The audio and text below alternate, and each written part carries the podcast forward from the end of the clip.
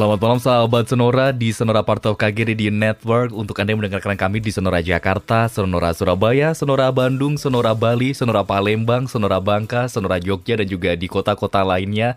Mudah-mudahan kabar Anda sehat pada malam hari ini dan selamat datang di Feng Shui Untuk edisi 20 Agustus 2021 Dan pada malam ini pun saya juga sudah tersambung bersama Pak Kang. Malam Pak Kang.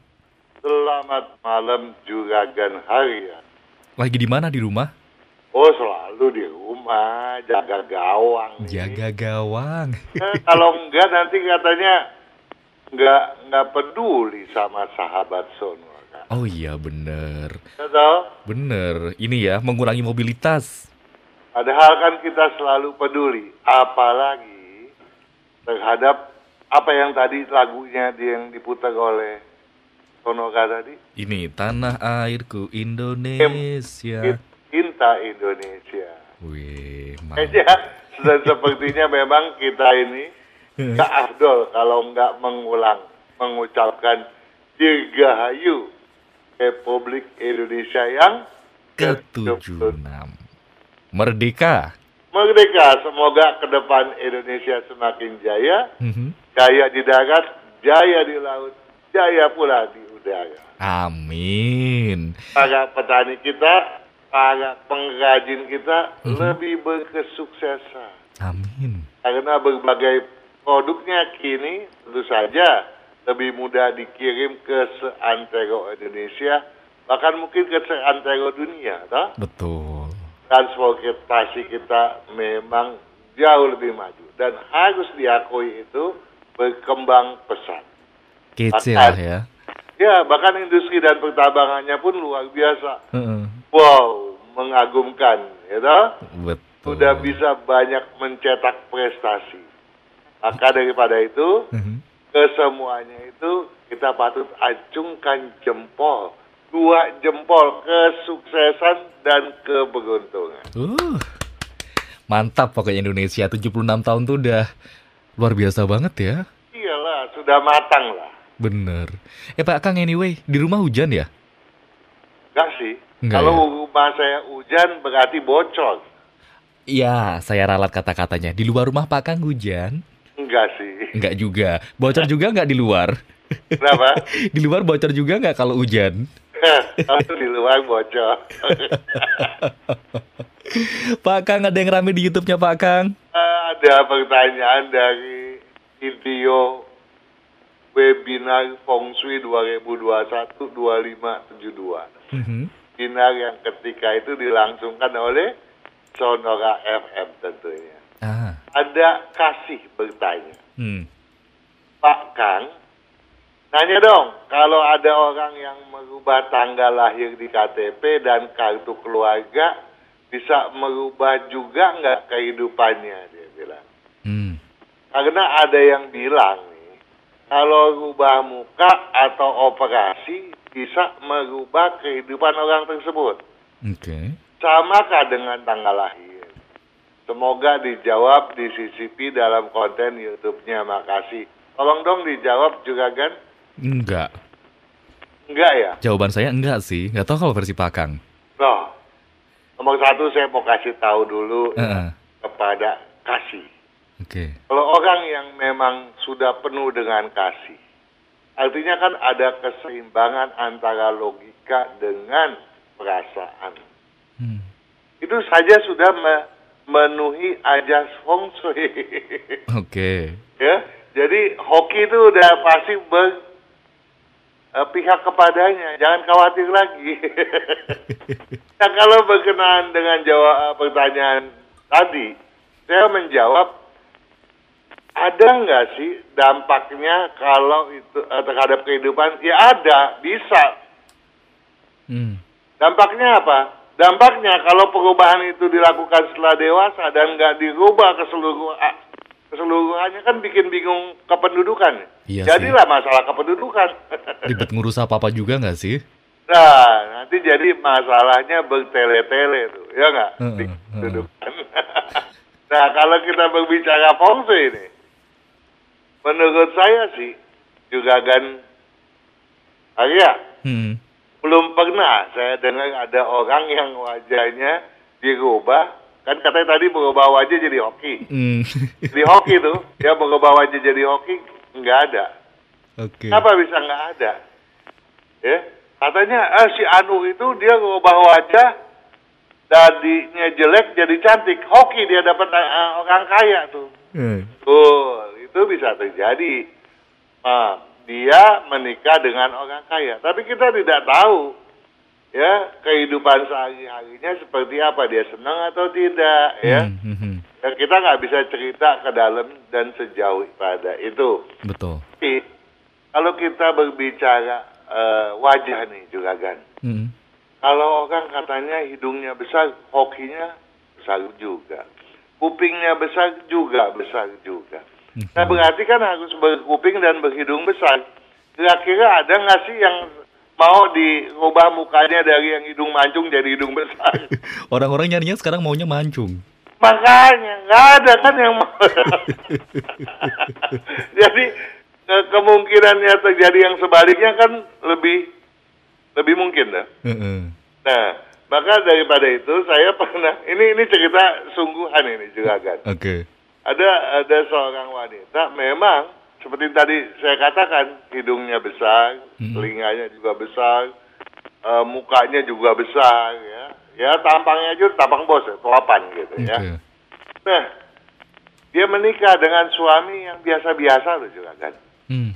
Setiap tahun suaminya itu punya eh, karir meningkat, meningkat, meningkat sehingga dia menjadi kaya besar.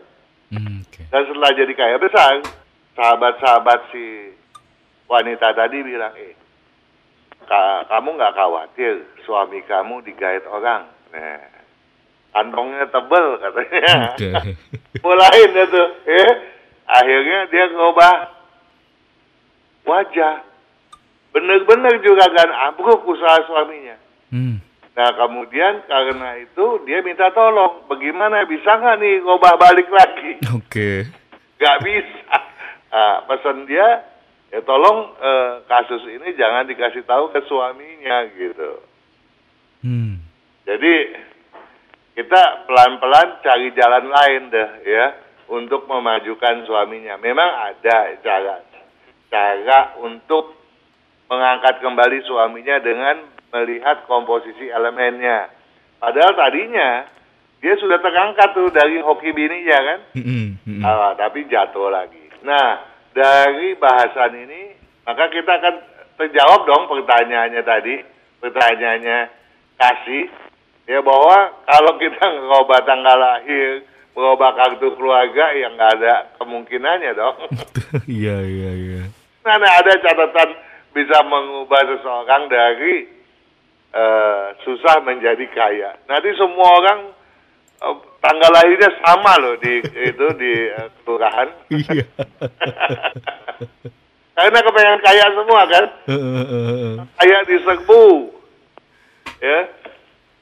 Nah, yang penting sebetulnya bagi wanita adalah inner beauty. Karena inner beauty yang terpancar keluar adalah hoki, ya. Hmm. Kalau kasih selalu tertanam di dalam benak kita semua.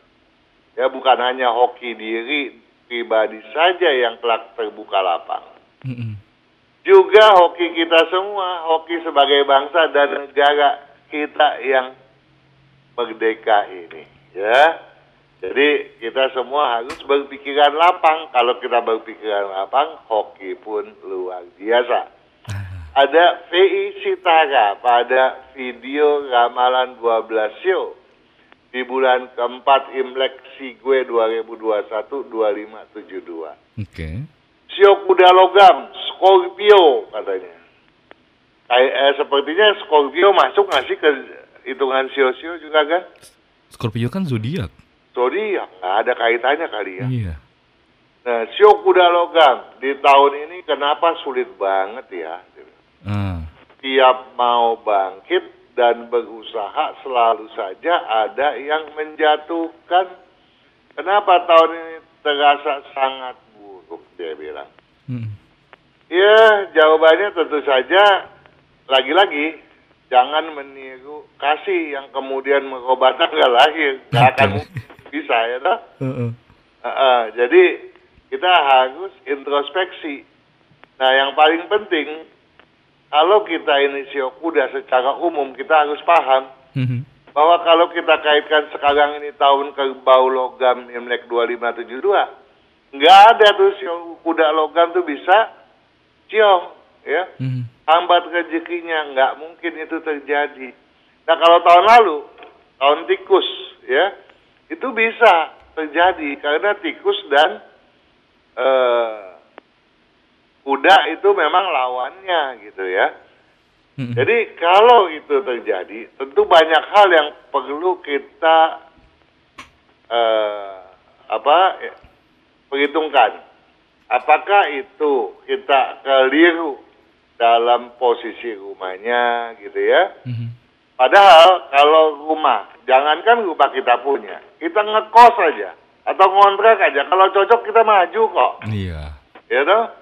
Tetapi terlepas daripada itu, yang paling penting ya selain posisi selain bidang bisnis, yang paling penting kita harus hitung berapakah jumlah nilai keberuntungan kita pada tahun ini.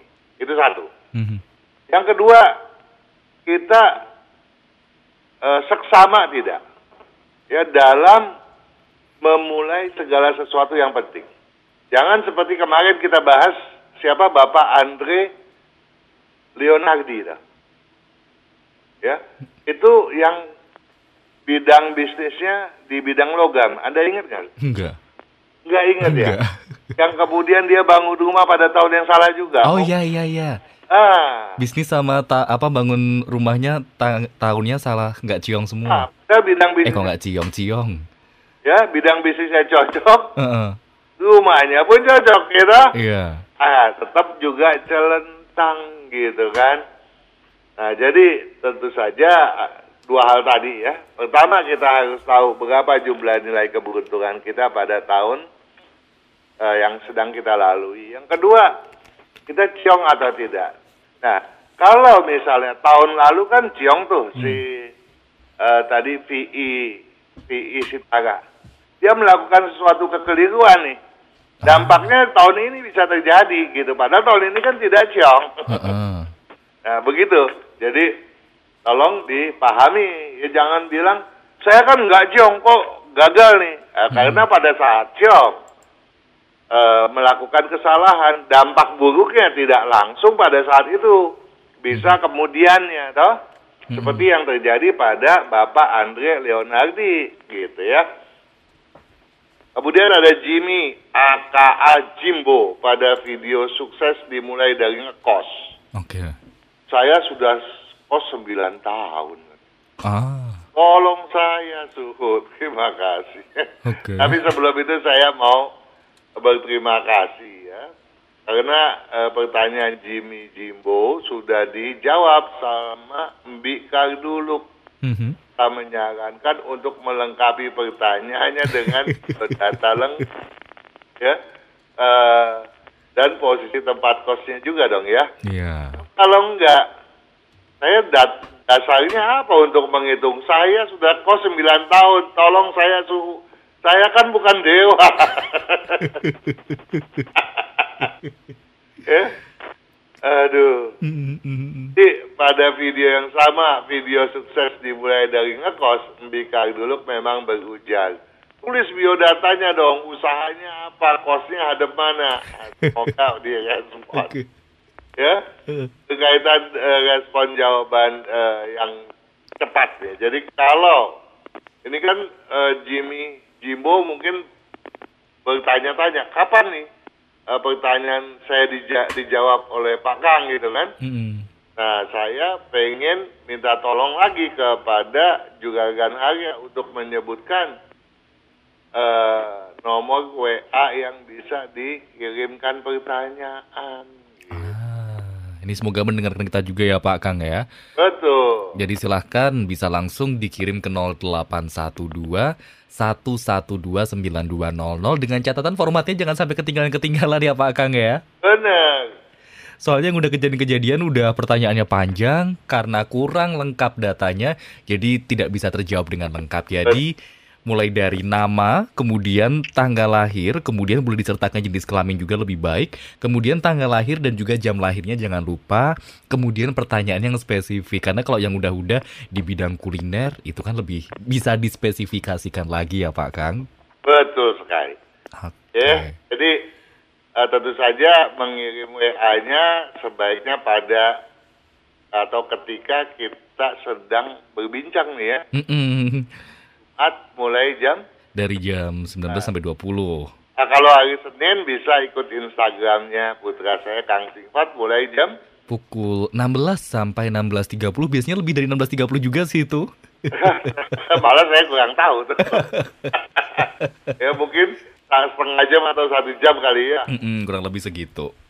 Iya, jadi tolong apa yang disarankan oleh Mbak Karduluk tadi ya dipedulikan benar oleh Jimmy eh, Jimbo, ya. Mhm. Jadi eh, tentu saja Jimmy Jimbo harus memulai dari kebulatan tekad untuk mengajukan pertanyaannya. Ada Putu Eka Mhm. pada video ikan beruntung, pendidikan dan kecocokan bisnis. Pak mau tanya, saya ada bangun kolam koi mulai tahun 2017. Mm. Satu kolam di depan rumah. Tepatnya depan kamar sebelah selatan pintu utama rumah yang menghadap ke barat. Ya. Oke. Nah, jadi kolamnya itu di selatan rumah, hadapnya ke barat.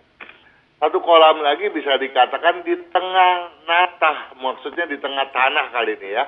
Kenapa? Di, di tengah tanah di rumah. Mhm. Sebelah utara pintu utama menghadap ke timur.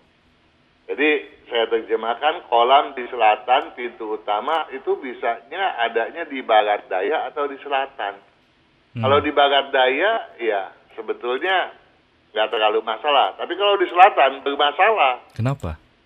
Ya tentu akan menimbulkan banyak gangguan. Gangguannya nanti. Oke. Kolam di tengah-tengah rumah, tetapi pada utara pintu utama. Kalau dia itu adanya pas di utaranya, ya tentu tidak jadi masalah. Tetapi kalau menjorok ke tengah, ya saya sering kali sudah bahas itu, ya. Kalau di tengah rumah itu berbahaya bagi kesehatan. Ya. Mhm. Kemudian saya lanjutkan apa yang diucapkan disampaikan oleh Putu Eka. Saya ada baca artikel di internet. Menurut kepercayaan Chinese Feng Shui, kalau enggak salah, menurut kepercayaan Chinese bisa terdapat aura negatif dari penyakit jantung. Kalau di selatan iya. Kalau di tengah-tengah rumah iya. Gitu ya. Tetapi Bapak Tiang meninggal karena jantung juga baru-baru ini. Ya, bisa karena hal itu, tapi saya juga tidak bisa menyimpulkan tegas karena kita tidak punya data apa pun nih juga Ganaria. Hmm. Kalau boleh, apa bisa, apa ada tata letak kolam yang baik? Nah, kalau mengenai tata letak kolam yang baik, video-video mengenai kolam tolong diseksamai deh. Sudah kita bahas itu. Apa ada tata letak kolam yang benar agar aura positif selalu melekat? Terima kasih Pak, gitu ya. Hmm. Tanpa ada barat daya, saya ulangi, pada prinsipnya tidak terlalu berpengaruh bagi kesehatan. Kecuali kalau ukuran kolamnya itu eh, terlalu mendominasi area pada sektor tersebut. Gangguannya apa juga Ganaria? Becek.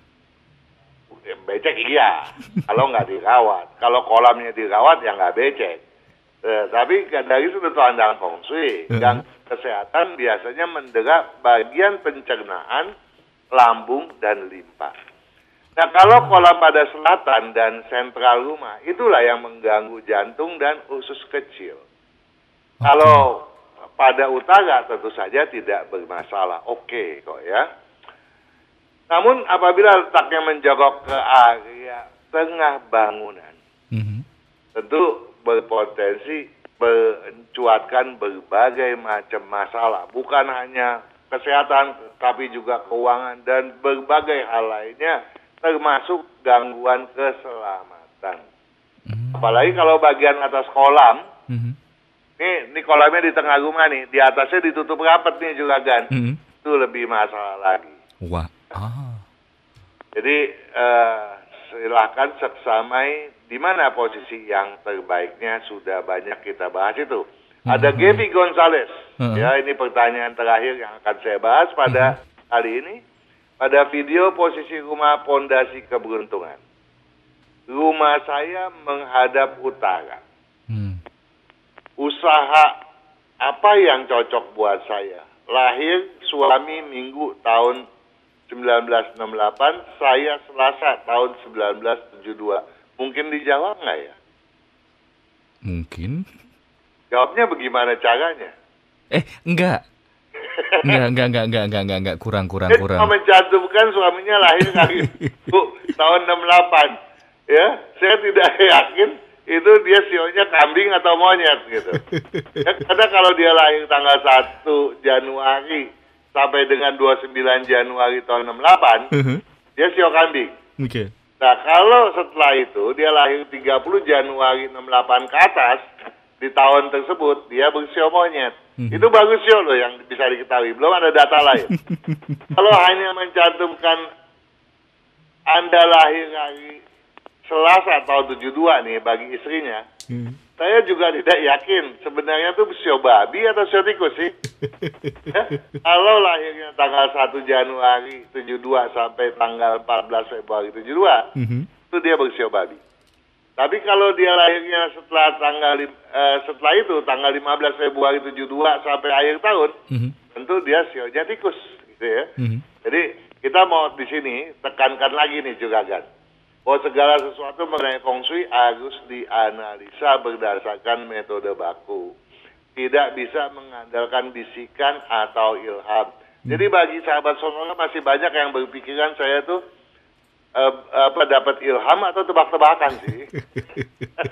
Ada hitungannya tuh sahabat Sonora. Dan saya alhasil ya, satu hal yang patut dipahami, saya tidak bisa memastikan pertanyaan juga itu saya tidak bisa jawab menghadap ke utara cocok nggak sih ya buat Gavi Gonzalez atau tidak ya karena kalau saya jawab berarti saya sudah berbohong karena nggak ada data yang bisa dianalisa juga kan Oke. Pak Kang, nanti kita sambung lagi di sesi berikutnya ya. oke Kita break, sahabat Sonora masih kami tunggu juga partisipasi dari Anda. Kami nanti segera kembali tetap bersama kami.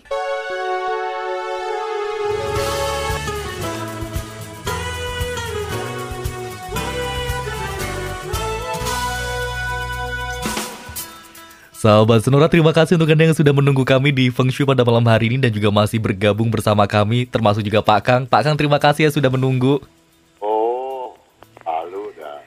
Selalu ya, panjang ya barusan breaknya ya. Nggak apa-apa. Ini kita langsung ke yang pertama ya Pak Kang ya. Kenapa? Kita langsung ke sahabat Sonora ini ya. Oke, oke. oke. Ada Evi Yulianti. Evi Yulianti. Yulianti. mhm, Ya, 22 bulan 9 22 bulan 9 tahun 1967 1967 pukul 8 lewat 30. 8.30 pagi. Mhm, Pagi ya. mhm. Oke. Jadi saya baru mau beli rumah hadap utara, ada dua lantai.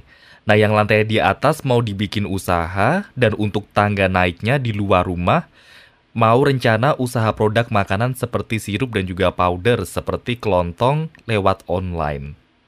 Itu cocok ke saya. Eh, itu cocok ke saya nggak Pak Kang? Atau ada rencana kedua bikin kos-kosan di lantai atas. Ini bagusnya yang ke unsur dominan yang mana Pak Kang? Kalau kos-kosan nggak cocok ya. Ah, Yang pertama dia mau bikin apa tadi? kayak toko kelontong online gitu. Jadi kayak sirup, powder, Kalau itu lebih cocok. Ya. produk makanan ya. Produk makanan, walaupun yang cairannya agak kurang cocok ya. Mhm. lebih kepada yang ya, cairan tentunya. Itu lebih cocok. Ah. Kemudian pertanyaan lain? Eh, yang yang ini tadi soal tangga juga. Jadi rencana tangga naiknya ini di luar rumah supaya apa namanya supaya biar keluar masuknya tidak mengganggu saya yang ada di bawah. Nah ini bagaimana Pak Kang? Kalau itu tentu saja saya tidak bisa jawab Oke. karena saya harus lihat landscape atau eh, lingkungan dan perencanaan daripada bangunan itu seluruhnya.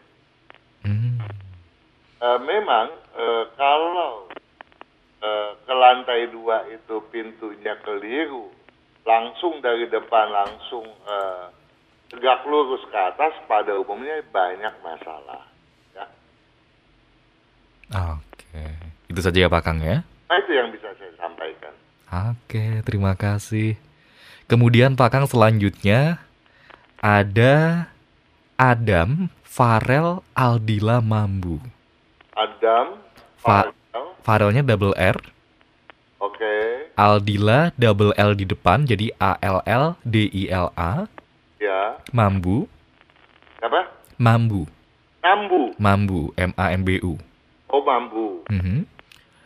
6 Juni 2002 6 Juni, dan 6 bulan 6, tahun 2002 tahun 2002, pukul 7 lewat 30 pagi. 7.30 pagi. Yes.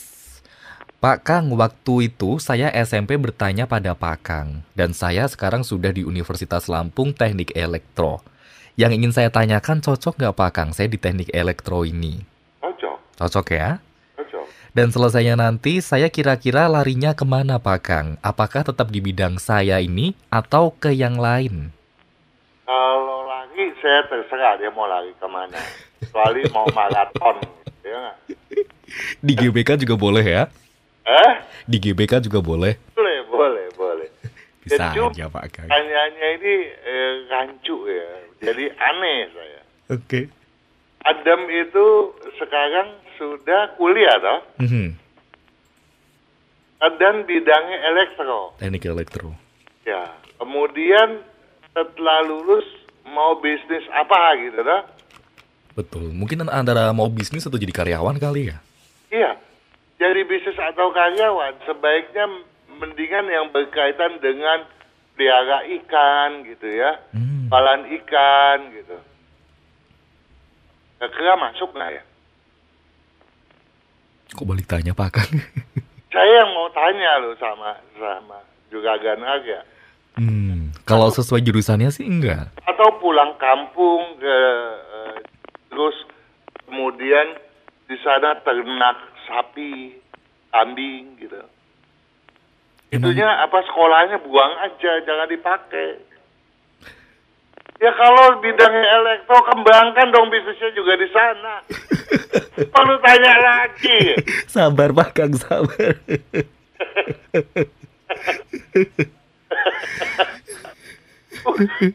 Bukannya masalah sabar atau tidak. Aduh. Adam itu hokinya besar. hmm. Logikanya tolong dipakai dong. Oke. Ya, padahal logikanya itu kuat banget loh, Adam itu. Yang lemah itu dia itu nggak yakin mau ke mana gitu. Ah. Ya karena ambisinya nol, dia nggak punya ambisi. Aktifnya, rajinnya bukan main, semangatnya jangan ditandingi. Hmm. Tadi bilang mau maraton, dia maratonan beneran. Oke. Ya, nah cuma saya minta tolong Adam sering pakai baju warna hijau. Mhm. Eh, setelah setahun atau dua tahun, tahun sekarang belum lulus kan? Sepertinya. Kalau udah lulus, sering kalah pakai baju warna putih. Ya, nah bergeraklah di bidang elektro. Bukalah usaha ya. Kalau sementara bekerja dulu pada orang lain, tapi jangan lama-lama. Karena kalau kelamaan nanti akan takut lagi. Adam akan cepat sekali khawatir dan nanti tidak lagi mau membuka usahanya gitu. Hmm. Nah, padahal Adam bisa untuk membuka usaha di bidang elektro tersebut. Kembangkan, saya nggak tahu bisnis apa di bidang elektro yang berkesesuaian. Tapi kan banyak dong ya, Betul. yang itu. Jangan kemudian nantinya eh, Adam kemudian pergi ke pasar dagang ikan.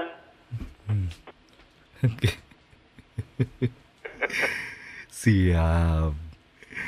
Baik, terima kasih. Ini ada berarti untuk di jurusan sesuai dengan juru ah, jurusan. Untuk bidang pekerjaan sesuai jurusannya bagus banget berarti ya.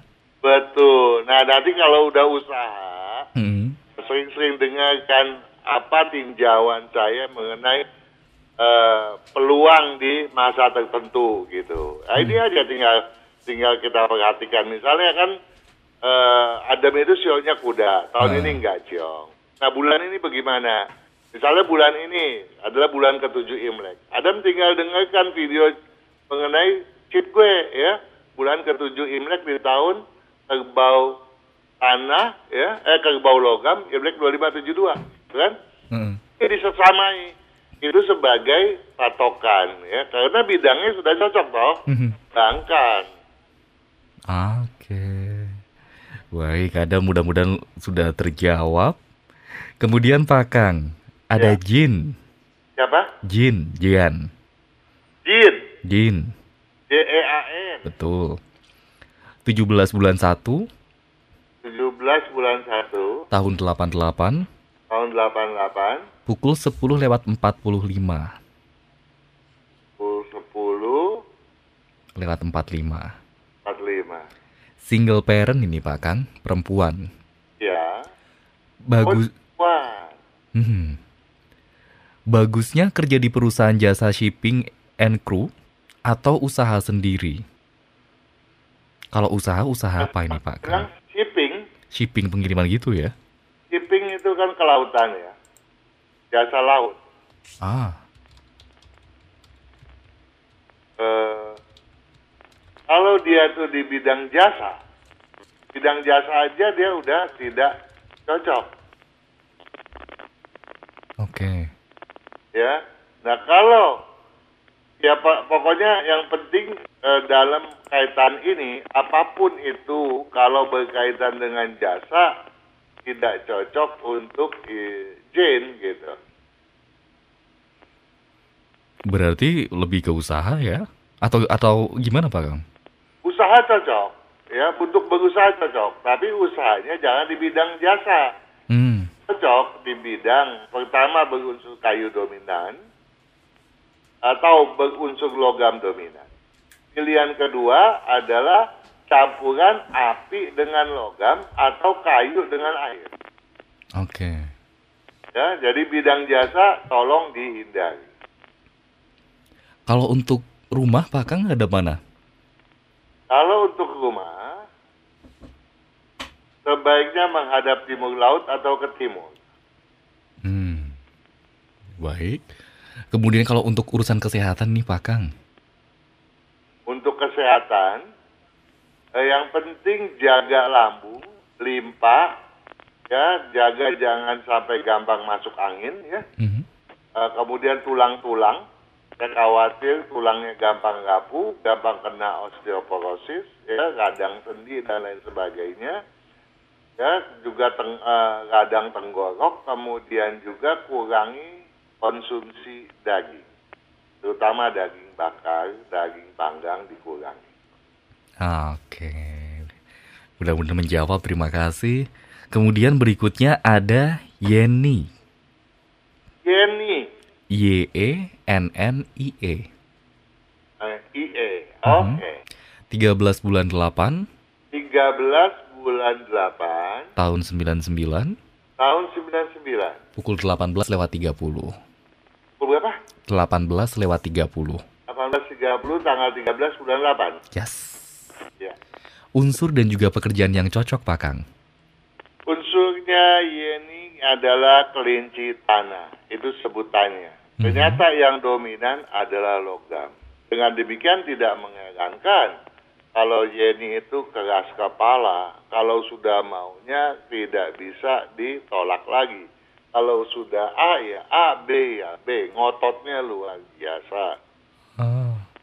Nah, Yeni yang saya khawatirkan bukannya masalah gampang hilang energi, gampang males, tapi juga kalau sudah marah, kalau dia ngomel itu masih setengah marah loh Juragan. Hmm. Tapi kalau dia diem itu marahnya sudah full. Oke. Nah, hati-hati, jangan sampai kemudian kena gangguan jantung, serangan jantung, dan stroke gitu ya. Mhm. Nah, lain daripada itu, walaupun dia punya lambung termasuk cukup bagus, tapi sambal yang keterlaluan, tolong deh jangan dibiasakan gitu ya. Mhm. Ah. kemudian juga, tolong jangan begadang gitu ya. Nah, eh, tolong juga satu lagi, minum yang cukup karena pinggangnya pun kurang bagus. Ada lagi pertanyaannya? Sama ini Pak Kang untuk warna baju. Warna baju sebaiknya memakai baju warna merah ketika beraktivitas, Mhm. Warna hitam, biru, abu-abu ketika sedang santai. Dan warna putih sebaiknya jangan dipakai lagi. Ah, sering pakai warna putih nih ya. Oke. Pak Kang satu lagi sebelum pamitan nanti ya. Oke, Ada Denny D E N N Y. Denny, Mhm. Tiga bulan empat, D-E-N-N-Y. betul. Tiga bulan empat, Tanggal 3 bulan 4 tahun 84. tahun 84. Pukul 18 lewat 45. Pukul berapa? 18 lewat 45. Oke. Tanggal 3 bulan 4 tahun 84. 1845 lahir Imleknya tanggal 3 bulan 3 tahun 2535 sionya tikus kayu. Yes. Sing secara singkatnya Pak Kang, eh, saya bekerjanya di pabrik beton. Kalau tahun ini pindah kerja ke pabrik tepung dan juga minyak kayu putih, apakah cocok Pak Kang? Saya berharap dia bisa berbisnis sendiri karena Hmm. dia tidak cocok untuk dia. Oke. Kali dia berada pada pimpinan tertinggi di bawah pemilik.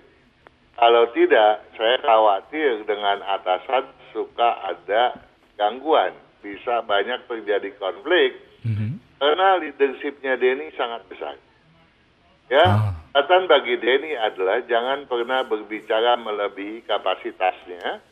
Jangan dalam artian juga jangan sok tahu, tapi juga harus meningkatkan energi semangatnya dan ambisinya. Kalau itu ditingkatkan, buat Denny kemajuan itu gampang sekali diraih. Hmm. Sebab itu saya minta tolong Denny sering pakai baju warna putih yang ada merahnya. Ya. Kemudian juga kalau mendapat proyek besar tolong pakailah baju warna kuning atau coklat. Warna hijau tolong tidak digunakan lagi. Ya, jangan baik untuk pakaian maupun untuk ruangan kerja ataupun ruangan di mana pun dia mata memandang lah ya di rumahnya. Mhm. Nah, kalau dari segala pertanyaan yang tadi, dia bekerja tadi sebagai apa pertama Ini pabrik bekerja di pabrik beton. pabrik beton. Kalau pabrik beton itu adalah eh, campuran semen, pasir dan segala macam, Mhm. tentu itu adalah bidang yang sangat cocok yang membuat dia sangat betah, sangat berkesesuaian. Tapi kalau dia jualan besi beton, misalnya, tentu tidak cocok, ya. Nah, kemudian mau pindah ke bidang, Ini ke bidang kerja pabrik tepung dan juga minyak kayu putih. nah, pabrik tepung, dia akan merana di sana.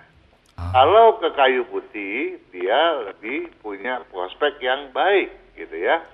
Nah, tetapi tentu saja dia berusaha sebagai penyedia beton, Mhm. nah, beton. Kemudian juga dia bekerja sebagai pengusaha, pembuat atau pedagang kayu putih, tentu jauh lebih bagus dong ya.